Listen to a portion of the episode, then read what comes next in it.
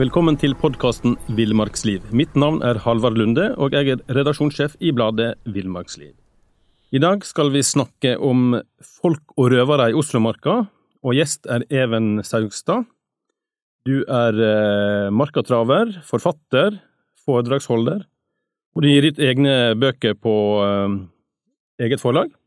Stemmer. Frie Fuglers forlag, og du har jo nettopp kommet med en ny bok som heter akkurat Folk og røvere i Oslomarka. Ja. Velkommen. Takk for det.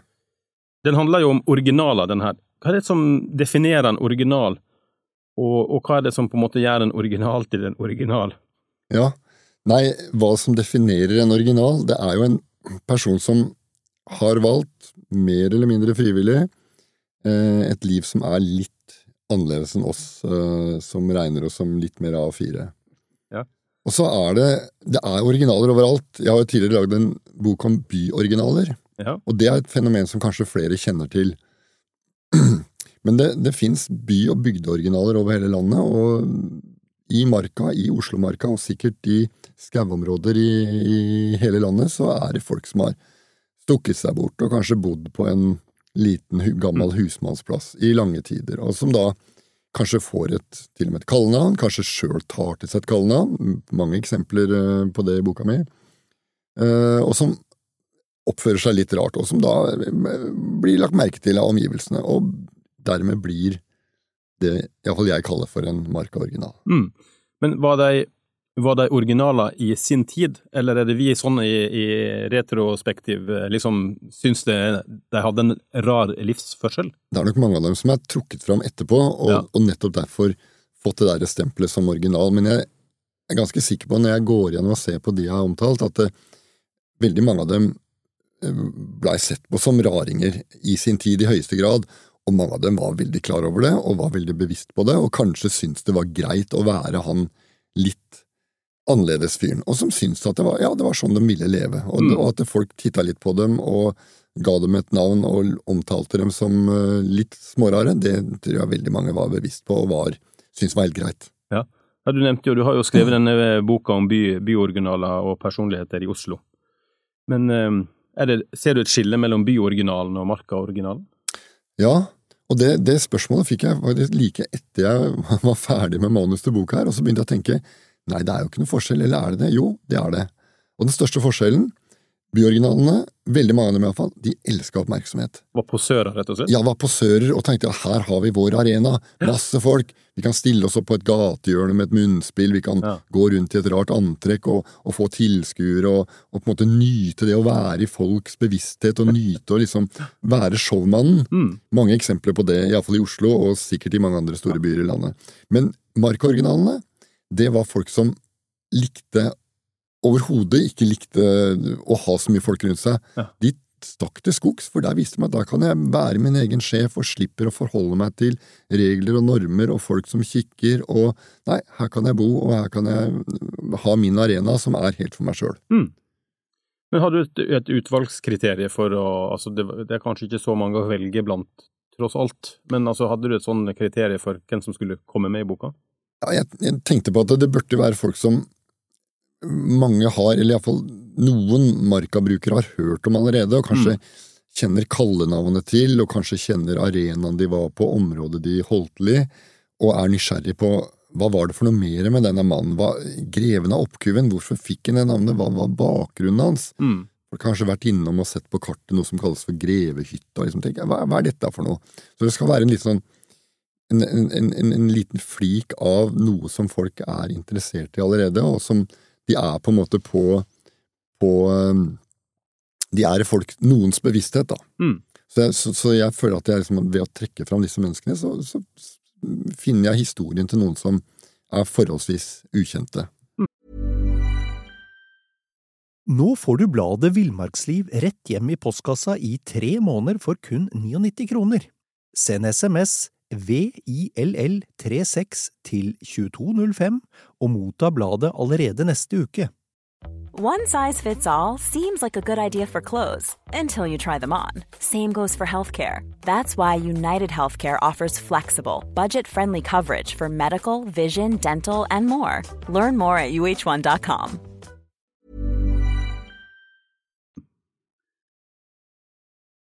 Du har jo omtalt over 20 originaler i denne boka, og det har de, har de nok til felles, utenom det å søke seg til, til skogs?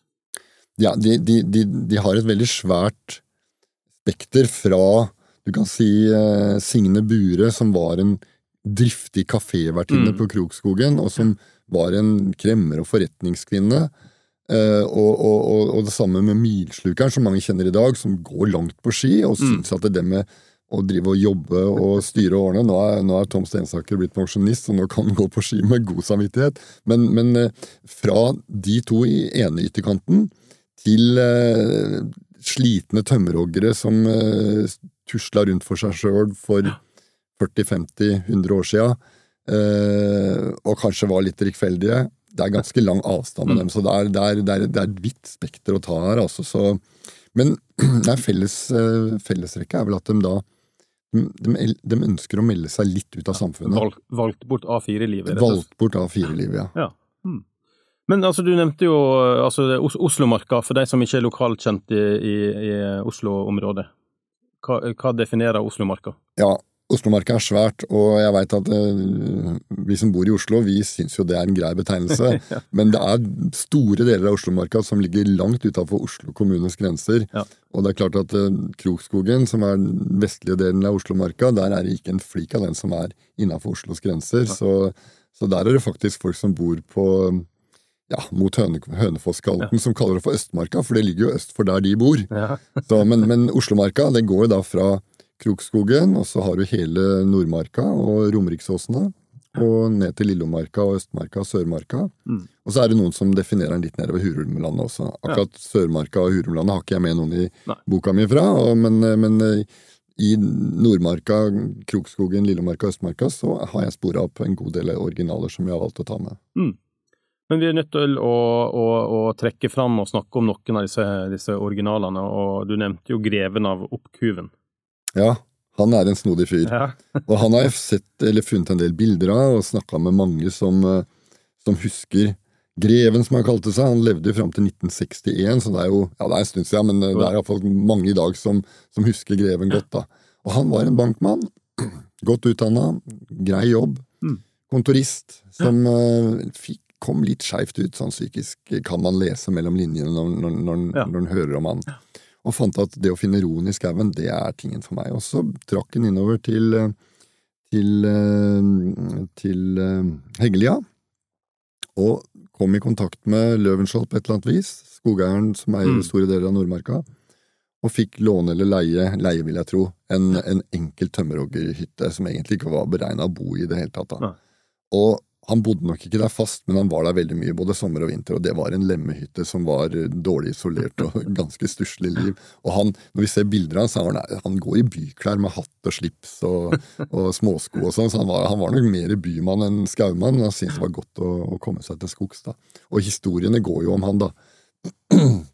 og eh, han eh, ja, blant annet, så Han var ikke så veldig praktisk anlagt, så når han skulle fyre i ommen i den hytta, så istedenfor liksom å hogge opp ved og kløyve og styre som andre ville gjort, så tok han bare en tørrgranstokk han og så stakk inn i ovnsdøra og lot ovnsdøra stå på, fyra og skjøv etter etter hvert ja. som den, den brant opp. da. Så det var hans måte, ifølge historien, da. Så, og det er jo nettopp de der morsomme, kuriøse historiene som jeg har fått fra kanskje særlig Gunvor Greni, som bodde på Heggelia og eide Heggelia fram til for noen få år sia Uh, hun husker jo Greven godt. Mm. Eller Sørensen, som han egentlig het. Ja. Og, og, det å få de der førstehåndshistoriene fra en som virkelig har opplevd den, og ja. hvordan han var, og at han var mm. engstelig for bjørn, og at han, ja. han levde en merkelig livsførsel. Hvor, hvor, kom denne redselen for bjørn fra? Det var vel fantasien hans da, som, som spilte med et litt stort puss. og det var jo Han levde jo i Nordmarka ganske mange år etter at siste bjørn var skutt i området, men han var sikker på når han lå i hytta og hørte noen som skubba seg mot eh, hytteveggen, enten i drømme eller i virkeligheten, så var han sikker på at nå hadde han hatt bjørnebesøk Da. Så han farta rundt med en lanse, som han kalte det, surra en tollekniv ytterst på en uh, staur, og så tilfelle bjørnen kom, så skulle han være beredt. Ja, du nevner vel, du nevner vel når tid siste bjørn i Nordmarka skutt på 1860-tallet en gang? Ja, det er mot, mot slutten av 1800-tallet. Ja, og, og, og, en fun fact er at det var jo, det er jo oldefaren til Dag Kjelsås. Ja, nettopp. Så det er, som ofte gjester podkasten her, da. Ja, da, for det er jo inne i Sørkedalen, er vi ikke det? For jeg tror det er var der ja, eh. Kjelsåsplassen lå. Ja. Mm. Stemmer. Men, eh, men um, matstellet altså, til, til, til disse folka var jo litt sånn, eh, litt sånn spesielt. Og jeg ser jo du skriver at uh, yndlingsretten til han her eh, greven av Oppkuven, det var brødskiver med rømme. Ja, det var nok eh, særlig når han var på besøk hos Grenis familie på Heggelia. Da var det brødskive med rømme. Kan ikke se for meg at han oppi den der lille bua si, da var det nok litt mer stusslig. Men han var, han var glad i å fiske, og han hadde jo nok av fiskevann innen Mm. rekkevidde. Ja, Du beskriver han som en dyktig fiske, eller Ja, da, Ja, han, han fikk iallfall fisk, og han Ja. eh, levde nok mye av fisk. Og så måtte han kanskje krangle litt med Løvenskiold, for det var faktisk noen, navn, noen vann i nærheten av Heggelia som Løvenskiold hadde sagt at det er vårt vann. Ja. Så det får bare mm, Ørretklubben lov å fiske i. Så, men både de på Heggelia og sikkert Greven av Oppkuven, han ga vel litt penger, hva Løvenskiold sa, så de fiska vel litt der også, da. Men han, eh, han var en ivrig fisker, i likhet med en god del av disse andre originalene jeg skriver. Men denne ørretklubben, hva det var, hva den gikk i? Ja, det var en sånn derre Herreklubb? Herreklubb er helt klart riktig, riktig betegnelse. En litt sånn snobbeklubb med venner av Løvenskiold, som da hadde en liten klubbhytte. øh, Ikke klubbhytte, som jeg ville sagt, men klubbhytte. Mm. Og på tunet på Heggelia, og møttes der innimellom, og hadde da Ja. enerett til å fiske i vannet. Og det som var litt morsomt med den ørretklubben, at det der var det en kar med som het eh, eh, Christensen Mm. eh, som var tegner. Ja. Han tegna tegneserien som het Brumle, som gikk i Illustrert Ukeblad fram til slutten av 50-tallet. Mm. Og, og han var med i Ørretklubben og var en friluftsmann og fiska, og Gunvor Greni husker han veldig godt og syntes det var alltid trivelig med han Christensen. Så lagde han da tegneserie og lot seg inspirere av livet på Heggelia. Mm. Så der var liksom Gunvor fortalt at eh, der kunne hun kjenne igjen seg og seks søsknene hennes. Og, men så var det jo det var litt anonymisert, da. Ja. Sånn at Heglia Heggelia det var jo virkelig med med husene, og Ørretklubbens hytte var med i tegneserien. Men det het ikke Heggelia. Hegg var bytta ut med Rogn, så det var var ja. Rogn, Rognlia isteden. Og Greven av Oppkuven var selvfølgelig med i tegneserien, Ja. men han blei da keiseren isteden. Keiseren av kuven. Oh, ja. Som var like bjørneredd som Greven av Oppkuven i virkeligheten var, og, og gikk med samme type caps og hadde staur med, med kniv på i tegneserien. da. Og dette syns nok han Sørensen, han Greven av Oppkuven, var litt ille. At han blei Han følte seg kanskje litt latterliggjort Oh. I denne tegneserien, og var redd for å bli gjenkjent. Men jeg tror vel neppe det var noe, noe stort problem for han. Og i ettertid så er det jo morsomt å kunne se stripe etter stripe med denne um, greven eller keiseren uh, tegna inn, da. Men det, det er jo litt sånn um, Det er et navn på en Det var vel et, et sted ved Oppkuven som heter Kongelosjen. Ja, det var vel han, han sjøl hadde lagd en liten På en odde så hadde Ja. han lagd en liten plass som han satt og fiska på, da, Ja, med, ja. Med litt noen granbusker på hver side, og som var litt flott, da. Mm. Men det var litt sånn, det var litt sånn humor i, i de begrepene. Altså den Ja, jeg tror nok det. Sitt eget navn og greven av ja. Oppkuven. Men, men eh, som jeg nevnte i stad, noen av disse originalene tok navnet sjøl, noen fikk det, og noen Mm. var kanskje ikke så fornøyd med navnene sine. I alle fall, jeg, jeg tenker på Når vi går tilbake, eller over til byoriginalene, jeg er ikke sikker at Luse-Frans var så glad for å bli kalt, kalt for Luse-Frans, men Greven av Oppkuven, han, ikke bare at han var stolt av navnet sitt, men han hadde jo tatt det sjøl. Ja. Så han fant at når jeg holder til i nærheten av Oppkuven, en av de høyeste toppene i Nordmarka, så må jeg jo kalle meg for Greven av Oppkuven. Og når han traff der selveste godseieren, Ja. selveste Løvenskiold, og presenterte seg som God dag, jeg er Greven av Oppkuven, så var nok det litt stas for han, og Løvenskiold syntes det kanskje var litt ille at noen skulle titulere seg høyere enn han da, som selveste Greven. Oppkuven er jo en, en, en topp i, um, i marka som er på 704 meter, en av de fjerde høyeste, tror jeg det står i boka di, Mm, mm. og ligger i Smedalen naturreservat. Og der er jo også et tårn som fortsatt står. Fint eh, utsiktstårn som eh, står der, som er mye besøkt. Ja. Og, og i der, rett i nærheten der var jo Greven holdt til, og, og der holdt den til i hytta, som egentlig het Gjelleråshytta, men etter hvert så blei den bare kalt for Grevehytta. Ja. Og den hytta står fortsatt. Oh, ja. Løvenskiold-leiren, og jeg tror den leier den ut på, på åremål til, eh, til folk. Så Er det den, fortsatt like enkel standard, eller? ja, like enkel standard. Turistforeningen hadde mål, egentlig, eller de leide den en kort periode. Nettopp det at den ligger i naturreservatet, gjorde Ja. at når, når, når Turistforeningen kom og sa at ja, fin hytte de flyttet, Jeg tror de kom så langt at de flytta inn uh, kopper og kar som Ja. det var DNT-merke på. Og så skulle de bygge en utedo. Det er jo en forutsetning når du har en hytte som er litt besøkt. Ja. Men da fikk de beskjed om at nei, i naturreservatet skal vi ikke gjøre noe inngrep i det hele tatt, ikke noen endringer, så noe utedo får dere ikke lov å bygge. Mm. Så da skjønte DNT at nei, dette går ikke. Så da var det tilbake til Lørenskiold med hytta.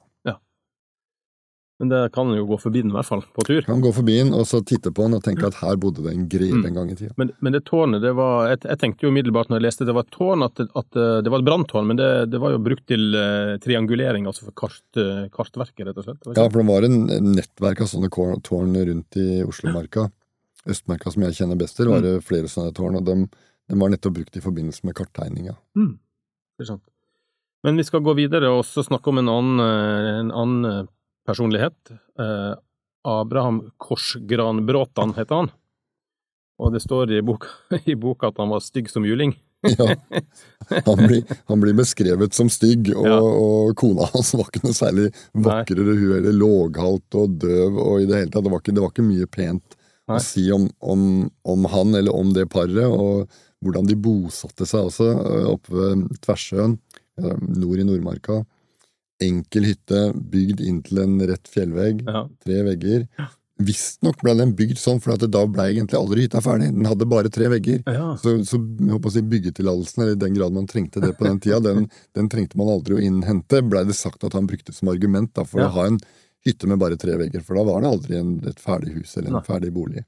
Og han, han levde jo fram til, eh, fram til 1900, så det er vel den jeg har med i boka som der lengst sida Mm. levde. Ja. Men samtidig har jeg funnet intervjuer med folk som eh, husker han, og Ja. som var livredd for han, for de syntes han så så skummel ut, at dette var en trollgubbe nesten. ja, det er et bilde i boka av han, Ser, jo, Ja. ser litt spesiell ut. Det er spesiell ut, og det, det å finne et bilde av en mann som døde i 1900 Det blei jo tatt bilder helt siden fra ca. 1860, Ja. men de som tok bilder da, det var ikke mest raringer i marka Nei. og stusslige småbruk og husmannsplasser. Det var jo rikfolk som ble tatt Ja. bilder av. Så når man da snubler over et sånt bilde, så er jo det gull verdt når Mm. man samler Ja. sånne historier. Men han tok jo navnet etter et, Han tok seg jo til rette i Nordmarka, da. Han tok seg til rette Ja. på den plassen han sjøl kalte for Korsgranbråtan. Korsgran, det var så mye Det hadde vært en orkan eller storm som reiv ned veldig mye skau, og det lå grantrær på kryss og tvers. Korsgran. Og da blei det navnet Korsgranbråtan på, på denne gubben som egentlig het Abraham, da.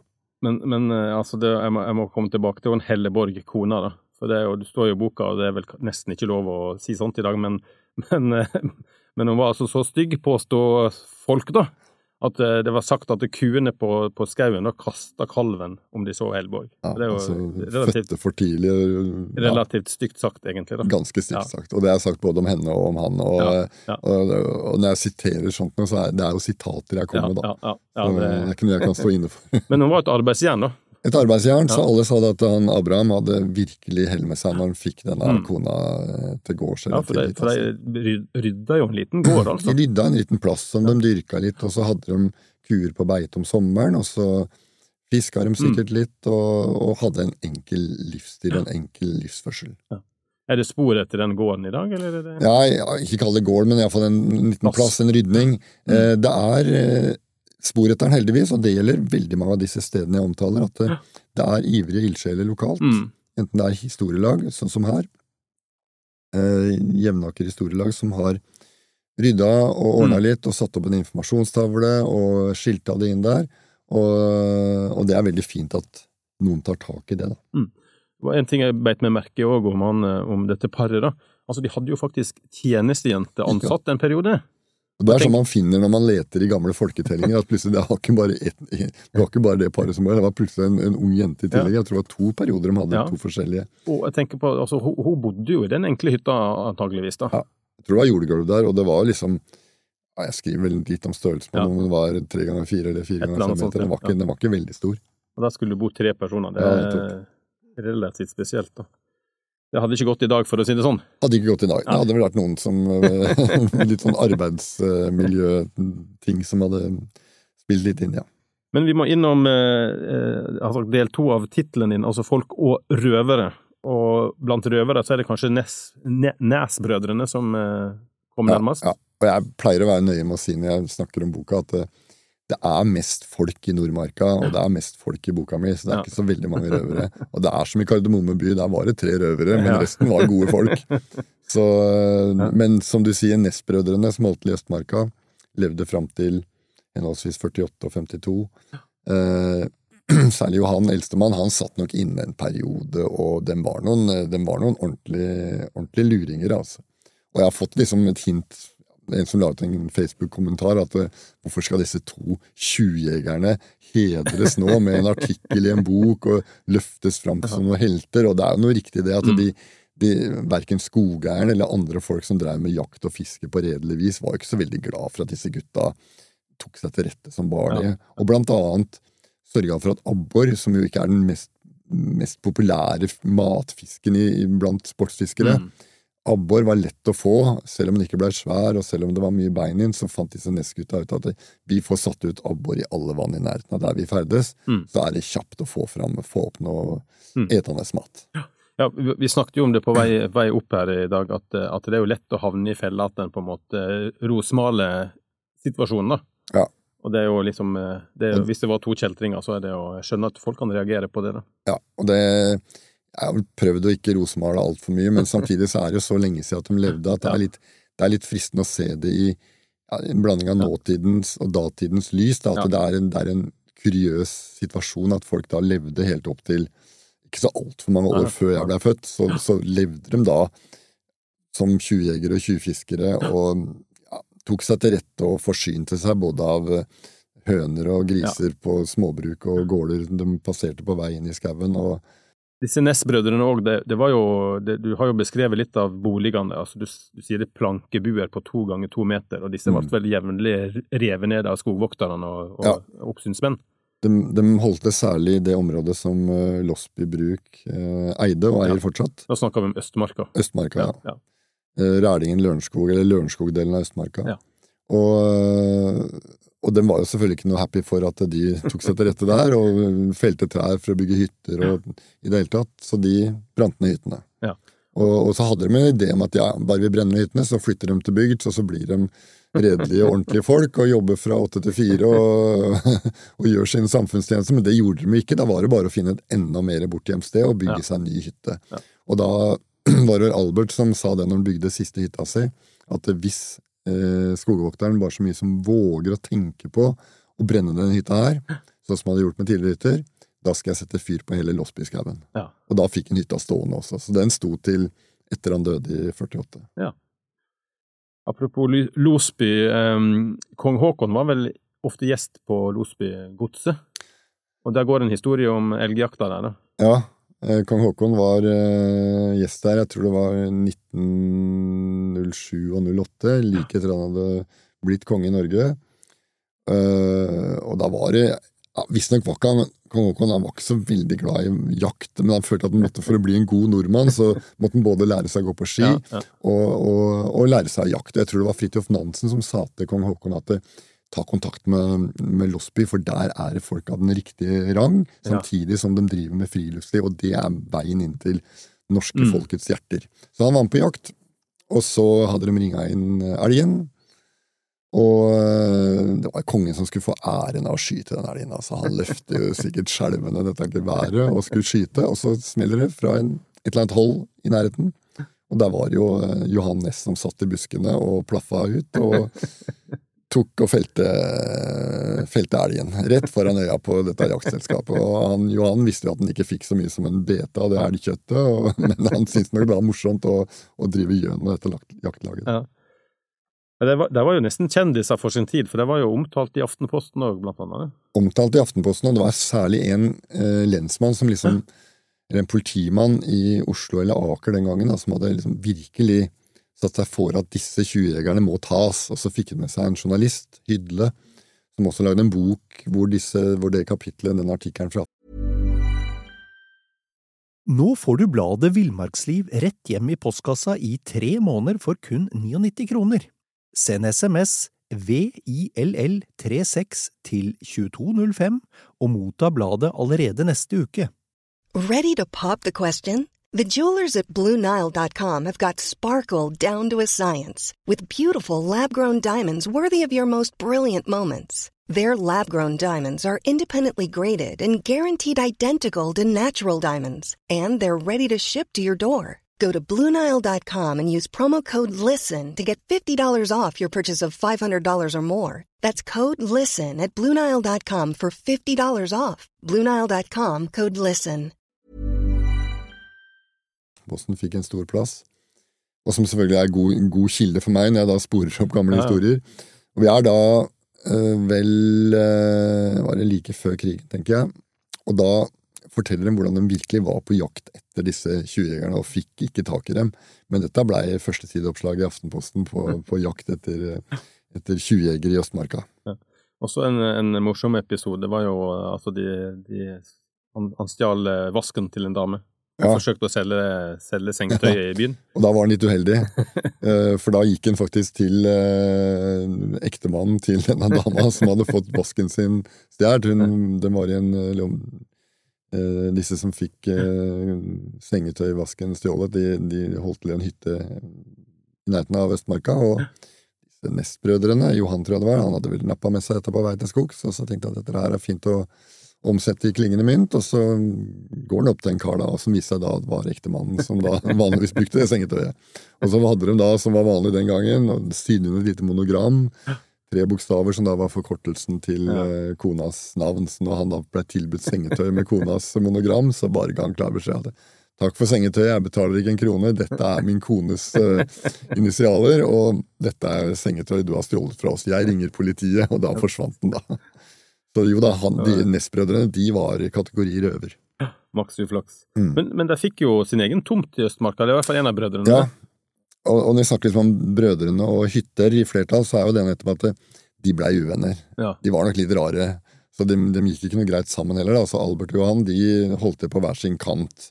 Mm. Fins noen få bilder hvor begge to har bilder på, men som oftest er de hver for seg. da. Og Johan, som kanskje var den mest kranglete av dem, og kanskje mest sånn bodde mest enkelt, han fikk faktisk kjøpt seg en hyttetomt ved Mosjøen. Mm. Og jeg har eh, lenge spekulert tenkt liksom at ja, de var jo ikke noe særlig penger for dem, så de har sikkert bare fått denne av skogeier Kjær, som da eide den delen Mm. av Østmarka. Men så fant jeg en liten notis i Østlandets Blad som fortalte at jo da, den tomta var solgt til eh, Johannes for kroner sånn og sånn, og det var en ganske anselig pengesum på den tida, da, som han på uviss måte har greid å, Ja, få tak i. jeg tror det sto 900 kroner. Var noe sånt kanskje? Ja. Som er 20 000 eller noe sånt i dagens penger. Ja, så det var jo ja, en, den gangen en, en bra sum for en som bodde i plankehytte i marka. Det var det, altså, som ikke hadde noe særlig arbeidsinntekt i det hele tatt. Så, så der fikk han en tomt som fortsatt står registrert i Kartverket med Nesbo. Ja. Så det er litt morsomt at det liksom den, den Nes-navnet går igjen til og med i Kartverkets papirer. Men han fikk aldri bygd seg noe hytte der, så den er bare en odde i, Ja. i Mosjøen, som altså ligger sør i Østmarka. Da. Og akkurat den perioden nå så har Skiforeningen kjentmannsmerkepost der, så de som ja. driver og leter etter noen av Skiforeningens kjentmannsmerkeposter, 50 stykk, Mm. de kan ta seg en fottur eller padletur på Mosjøen og komme til da Gamle Nes sin hytte. Og det er byggeforbud i, i den Nå er det byggeforbud, så- byggeforbud, så, nå er det Oslo kommune som har tatt over. Og, så nå, det er arvinger av Nes som egentlig eier den tomta, men uh, de kan plukke bær der, sånn som alle oss andre, og slå opp telt der, men ikke noe særlig mer. Men, men det var ikke bare um, mannlige originaler, det fantes også noen få kvinner. Du har jo for så vidt nevnt uh, Signe allerede. Ja, Signe, som jo da var denne Krokskog-vertinna, men i andre enden av skalaen, både i, i år og tid, og ikke minst i ja, levesett, Ja. det var de to eh, som jeg nevner, eh, Torborg og Rønnaug, som er nevnt i samme kapittel, men de levde med hundreårs forskjell, så de Mm. hadde ikke noe med hverandre å gjøre egentlig, men de var ganske like i måten de levde på. Og det var nok rett og slett damer som uh, hadde, var litt uh, mannfolk i seg, og det var en, av, en som skrev om hun og Rønnaug eh, at uh, hadde hun ennå kommet til legebehandling og blitt gjort om til mann, så hadde Ja. alt vært mer vel for henne. Ja, rett, u- Hun gikk, hun gikk i mann, mannfolkle, som det står. da. Ja, gikk i der. Det gjorde begge to. Og, og det, vi vi snakker da henholdsvis eh, tidlig 1700-tall og tidlig 1800-tall, så det å, det å gå i mannfolkklær for en dame er helt utenkelig. Mm. Det var uhørt den gangen. Det var helt uhørt. Å leve da aleine i en enkel, sjøloppført hytte langt ute i skauen.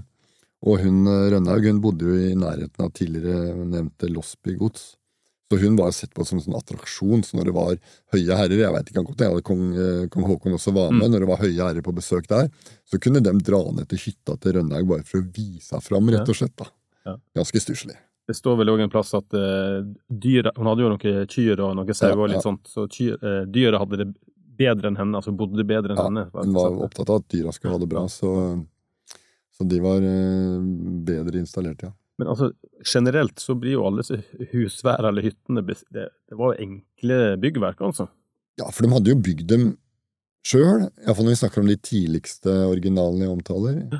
Så hadde de jo bygd hyttene sjøl, og det var, det var jo ikke noe, ofte ikke lovlige hytter Nei. engang, så det, det, ja, det var enk, enkle, enkel standard. Og de var ikke godt vant heller, da.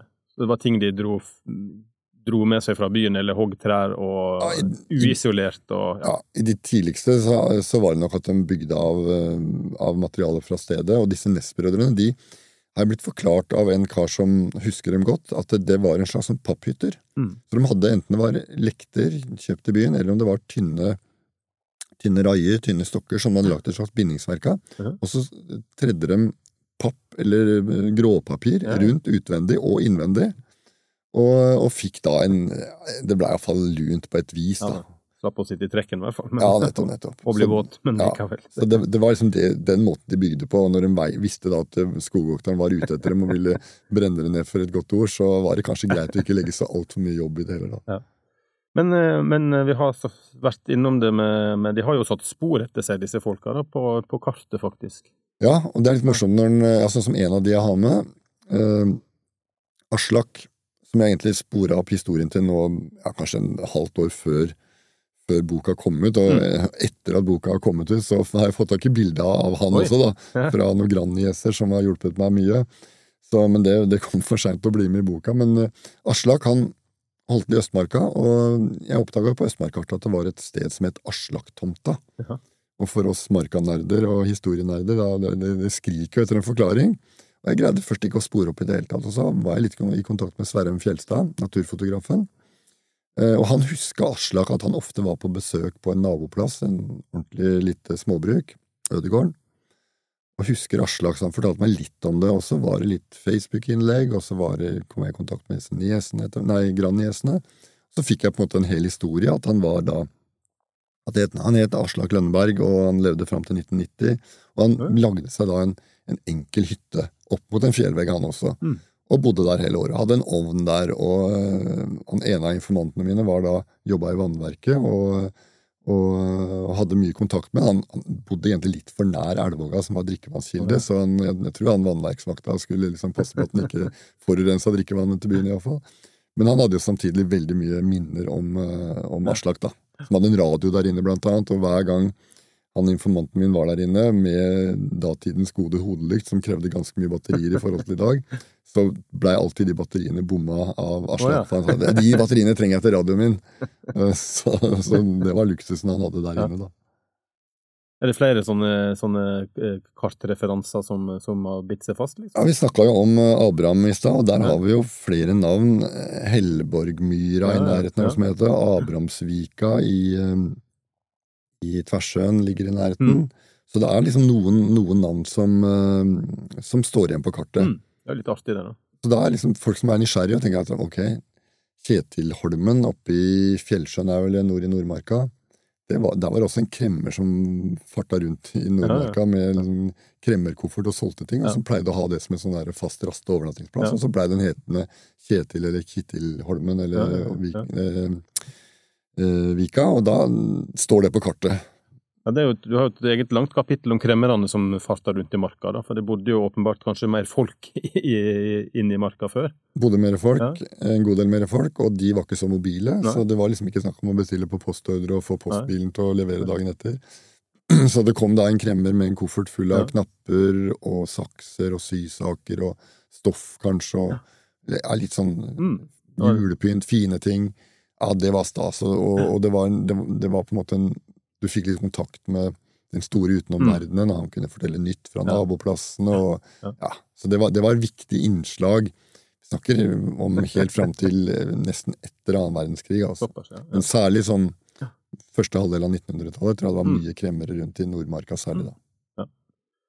Men altså, du, du, har jo, du nevner jo informanter sånn, og noen, noen er jo i live og, og sånt.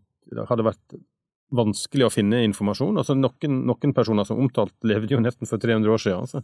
Ja, og jo lenger tilbake i tid, jo vanskeligere er det. Men, eh, så, så noen har jeg gravd mye etter. Ja. Og, men så er vi dette internettet, da, som er ganske anvendelig.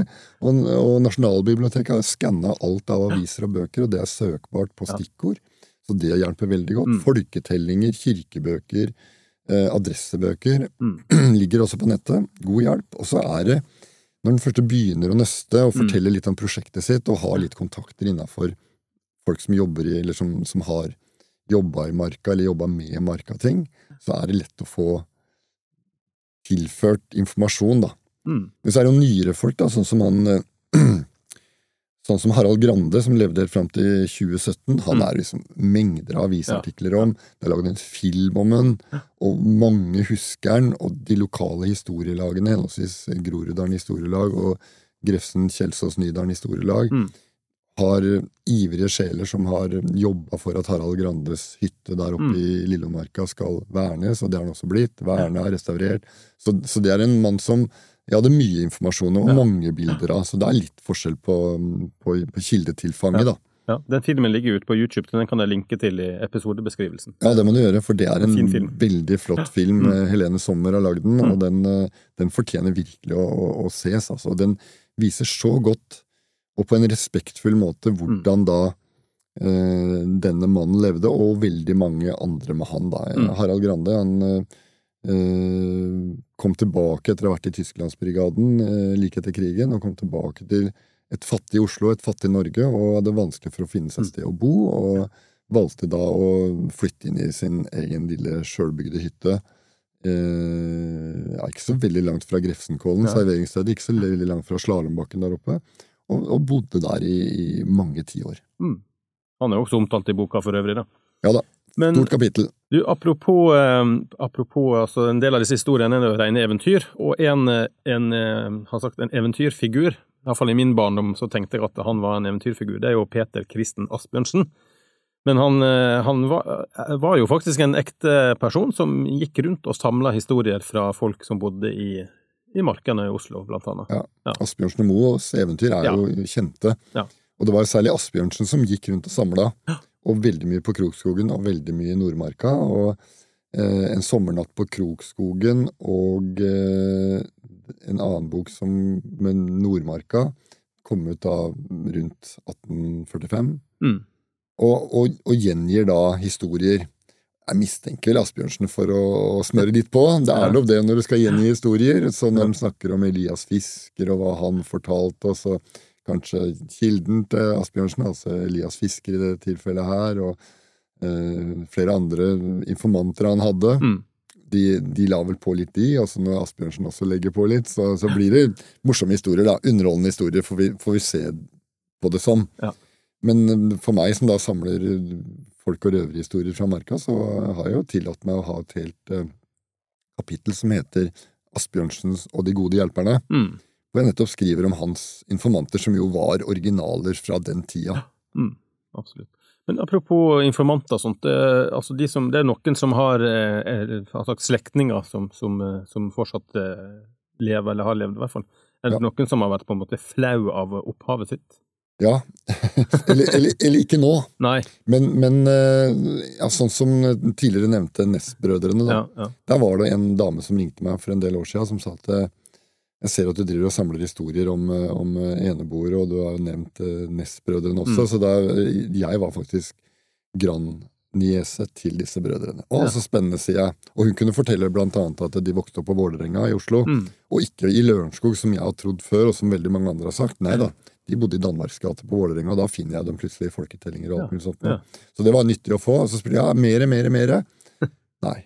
Hadde ikke noe mer å bidra med. De var familiens sorte får. Når det var familiesamlinger, hva som helst, den blei aldri omtalt. Nei. Den var en søskenflokk på fem, hvor da de to, Albert og Johan Næss, flytta til skogs. Og blei eneboere og raringer og småkriminelle. Og da, da, da blir du på en måte eh, sletta av familieanene. Men idet du da liksom kommer to eller tre slektsledd lenger bakover, Og sånn var det også med Banner-Ola, som holdt til på i Nordmarka, nord i Nordmarka. Der, der har jeg også fått kontakt, mer eller mindre tilfeldig, eh, med en to-tre oldebarn. Mm. Faktisk, jeg hadde lansering av bok i går på Lambertseter, og da var det en som kom bort til meg og sa at jeg er oldebarn av Banner-Ola. Og det er et par sånne slektskapsforhold du har nevnt i boka som ikke stemmer helt, så det skal jeg sørge for at du får beskjed om. Men ellers så syns jeg det var veldig morsomt å lese om, eh, lese om uh, oldefaren sin. da. Og det, det er egentlig ganske typisk at når det er kommet så langt tilbake at du snakker om oldefar eller Ja. så er det på en måte kuriøst og spennende. Mm. Men jeg har jo sett eh, leserinnlegg fra barnebarnet til Banner-Ola Mm. i en avis oppe på Hadeland, og hun skrev da, hun levde helt fram til tidlig på 2000-tallet, Ja. og hun skrev i leserinnlegget at hun var lei av at denne Banner-Ola, denne bestefaren hans, bestefaren hennes, blei latterliggjort og tillagt veldig mange egenskaper og historier. Mm. Så hun ville ha seg frabedt det, syntes det var kjedelig.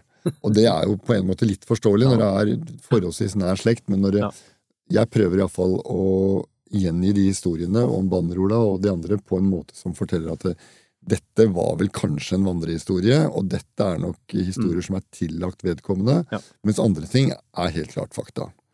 Så ja, slektningene, noen er stolte, og, og noen syns det er flott at disse, om det er en onkel eller grandonkel eller bestefar, at de blir løfta fram, at man Mm. får på en måte det hele bildet, den hele historien. Ja. Tidligere omtalte Aslak, disse slektningene hans. Mm. Plutselig så fikk de liksom masse puslespillbrikker lagt Mm. i hop, og det tror jeg veldig mange setter pris på av slektninger i ettertid. Fins det markaoriginaler igjen? Sånn i dag? Er det noen som Ja. bor, bor på den måten? Nei, du kan si den kategorien bor på den måten.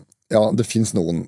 Eh, Jeg har hørt mye om en som bor i Østmarka, blant annet. En kvinne, faktisk. Eh, Og det er jo noe med at du Når det er folk som velger et sånt liv i dag, Ja. så går du ikke å banke på teltdøra eller, eller, eh, eller den enkle hyttedøra og sier at du, jeg lager en bok om raringer i skauen, og jeg vil gjerne ha med et kapittel med deg. Det- det- Disse må få være i fred. Ja. Enkelt og greit. Men hvis vi snakker om folk og røvere eller personligheter i marka, eller som toucher mot marka, Mm. så er det jo en del som uh, i høyeste grad uh, kommer i den kategorien, da. Mm. Vi snakker ikke da om eneboer i marka. Og jeg har et liten rammesak, han har ikke fått en full, ka- fullt kapittel. Sverre Fjelstad, som vi husker. Mm. Eh, han begynner å bli en eh, godt voksen mann, født i 1930, og han har jo et nært forhold til Mm. Oslomarka, særlig Østmarka, hvor han har bodd helt tett Mm. innpå, delvis i Østmarka også. De filmopptakene han gjorde på 60- og 70-tallet, de er jo veldig mange tatt i, i Østmarka. Mm. Så, så han er jo en, en personlighet, og vi har eh, Kjell Staksrud Stakan, som døde for noen få år siden, som også har gjort seg bemerka i, i Østmarka. Mm. Og, så det, det fins mange som, som eh, kunne ha vært med i den boka her, og jeg Mm. nevner i forordet også en god del av disse markastuevertene og vertinnene, Mm. i tillegg til Signe Bure, som også har blitt legendariske personer Mm. gjennom tidene, og som har levd helt opp til vår tid. Og Sverre M. Fjelstad hadde jo kontakt med flere av de som du omtaler, ja. bl.a. Korpås Olsen. Han hadde kontakt med både Ja. Korpås-Olsen og, og Næss-brødrene Mm. og Aslak, så vidt det var da. Mm. Du nevnte jo at det er jo faktisk noen som eh, bor, bor slik i dag, da, men er det Er det mulig? Jeg har jo faktisk hørt om en som sykla seg på en som hadde en, en camp, Ja, nettopp. som eh, ikke ville vise han veien ut igjen, men måtte, måtte det til slutt. da. Som åpenbart hadde slått seg til der, om det var permanent, jeg vet ikke. Nei, og det er nok det over hele landet, og det er jeg tror sånn, I Oslomarka er det jo hovedsakelig Oslo kommune og Løvenskiold og Losby og kanskje noen litt sånn halvstore skogeiere som eier grunnen. Mm. Og jeg tror noen rett og slett velger å se gjennom fingra med det. Mm. For de tenker at dette her, så lenge de ikke søpler for mye, og så Ja. lenge de ikke er noe fare for uh, skogbrann, så lar vi dem bo sånn. Mm. Iallfall Oslo kommune er litt rause der, altså. Det er vel ikke et kjempeproblem. Nei, det er jo det det ikke er. Så dem, om, noen, om noen tar seg litt til rette, så, så ja. Ja. Jeg tror de tenker sånn at dette, dette lar vi bare gå. Og jeg tror det er, samfunnsmessig tror jeg det er veldig fornuftig. Mm. Fordi det er folk som kanskje ikke har boevne, og som kanskje ikke hadde fungert i et vanlig bosituasjon, og som da Mm. er egentlig veldig greit at det, og trives greit med det også. Er det, av alle disse personlighetene du har omtalt i boka, er det noen som på en måte fascinerer deg eh, ekstra mye? Ja, flere av dem er, er, spennende, sånn som vi nevnte så vidt Korpås-Olsen her. Og, og, han levde fram til 1952, og det er jo ganske tett til vår tid. Mm. Da Han var utstopper, preparant, som drev og stoppa ut dyr. Ja.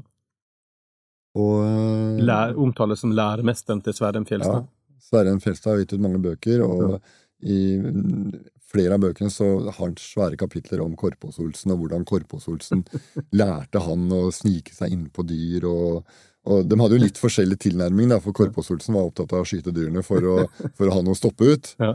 Uh, Særem Fjelstad var mest opptatt av å ta bilde av dyrene.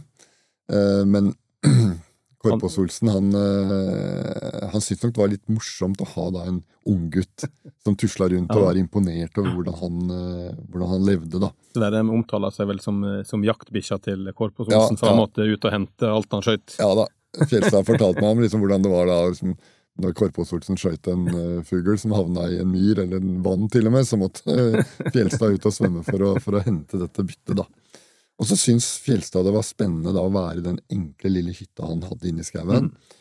Som var et eh, zoologisk museum, blir det betegna mm. som. For det, der var det dyr under utstopping, det var eh, beinrangel, eller altså skjeletter til forskjellige dyr, kranier. Det, det var et, et, museum, rett og slett. da. Mm det står jo også at det var skoleklasser som kom på besøk og fikk han sagt, omvisning eller undervisning? Ja, eller? Det, det, var i fall, det var nok skoleklasser og, og, unger som var innom der. Var ja. så, han var nok ikke så veldig opptatt Nei. av å ha besøk. Nei. Han bygde hytta si på det Hvis du kunne ha hele marka å velge mellom, så bygde han på den mest negative plassen som ikke an å tenke seg. For han var mye mer opptatt av at ingen skulle finne hytta hans enn at den skulle ha fin utsikt og vakre, om, vakre omgivelser. han hadde ikke valgt en utsiktstomt? Nei, han hadde ikke det. Uh, og han, apropos det vi snakka om i stad, det å ta seg til rette og sånn, han fikk lov av Aker kommune til å, ja. til å bygge hytta si der. Så, men det med skoleklasser, det var, det var iallfall elever fra Abelsø skole som eh, Når den døde, så var de der oppe og henta ja, alle dyrene. Ja. Så de gikk da i, i flokk og følge. Jeg snakka med en av kara som var guttunge og gikk på skolen der, og fortalte hvordan de, andektig gikk da de der kilometerne ned fra hytta hans, ned mot uh, Skullerstua, ned til Abelsø skole, og fikk da dyrene stå, stilt ut da Snakker da midt på, eller, ja, på 50-tallet. Ja. Er det noen av de dyra som fortsatt uh, har sagt står? Én grevling. En grevling, ja. som ikke står på skolen. Den står på uh, noe som heter Sagstua. Ja. Som uh, Miljøprosjekt Jans, er det vel det heter, disponerer Sagstua, og de har da en en grevling som uh, er Korpås-Olsens verk. Ja, Så den er mulig å se hvis du stikker innom? Og... Ja, det er ikke så lett å stikke innom Nei, okay. der. Jeg har lånt den et par anledninger for å vise den okay. fram i forbindelse med boka, og jeg har bildene i boka. Ja. Men, uh, men, den er iallfall bevart, og den er litt grå i, grå i håret, men ellers er den iallfall fin. da. Men det som, han, var nok, han var nok en dyktig preparant, men han brukte noen midler, iallfall ifølge Fjelstad, brukte noen midler til å stoppe ut som ja. ikke var liksom helt anerkjent. Nei. Og det gjorde at det, når de hadde disse på skolen, og det begynte å krype mer inni dyra enn utafor dyra, så var det kanskje ikke så greit å ha dem på en skole. så jeg snakka med en lærer på, på Abelse skole nå like før boka kom ut, og så skulle jeg gjerne hatt et bilde av noen av disse dyrene, og hadde mistanker om at det var en ørn som fortsatt var der, og sa jeg beklager. Den ørna gikk i søpla under siste renovering av ja. Eh, skolelokalene. Men han hadde et bilde av ørna, heldigvis. da. Ja. Så da fikk jeg låne det, og fikk gjengi dette i, i boka. og det er både både ørna og grevlingen er uh, flotte dyr å se på på bildet. Mm. Absolutt en uh, utrolig underholdende bok å lese, så den er bare å springe og kjøpe. Og apropos det, hvor får en kjøpt boka? Ja, de har dem heldigvis i alle nettbokhandler. Ja. Eh, nettbokhandlene er så Der står Jo Nesbø og Even Sarkstads bøker nesten side om side ja. og like lette å bestille. Og så, og så har de dem i Oslo bokhandlere jevnt over. Og så har jeg en nettside som dere sikkert greier å søke fram. Ja. Da er det bare å google folk og røvere i Oslomarka, og du Even, du er jo tilgjengelig for foredrag for folk som vil høre mer om ja, ja. både dette og andre ting. Ja, stemmer. Da sier vi takk for praten. Takk for at jeg fikk komme.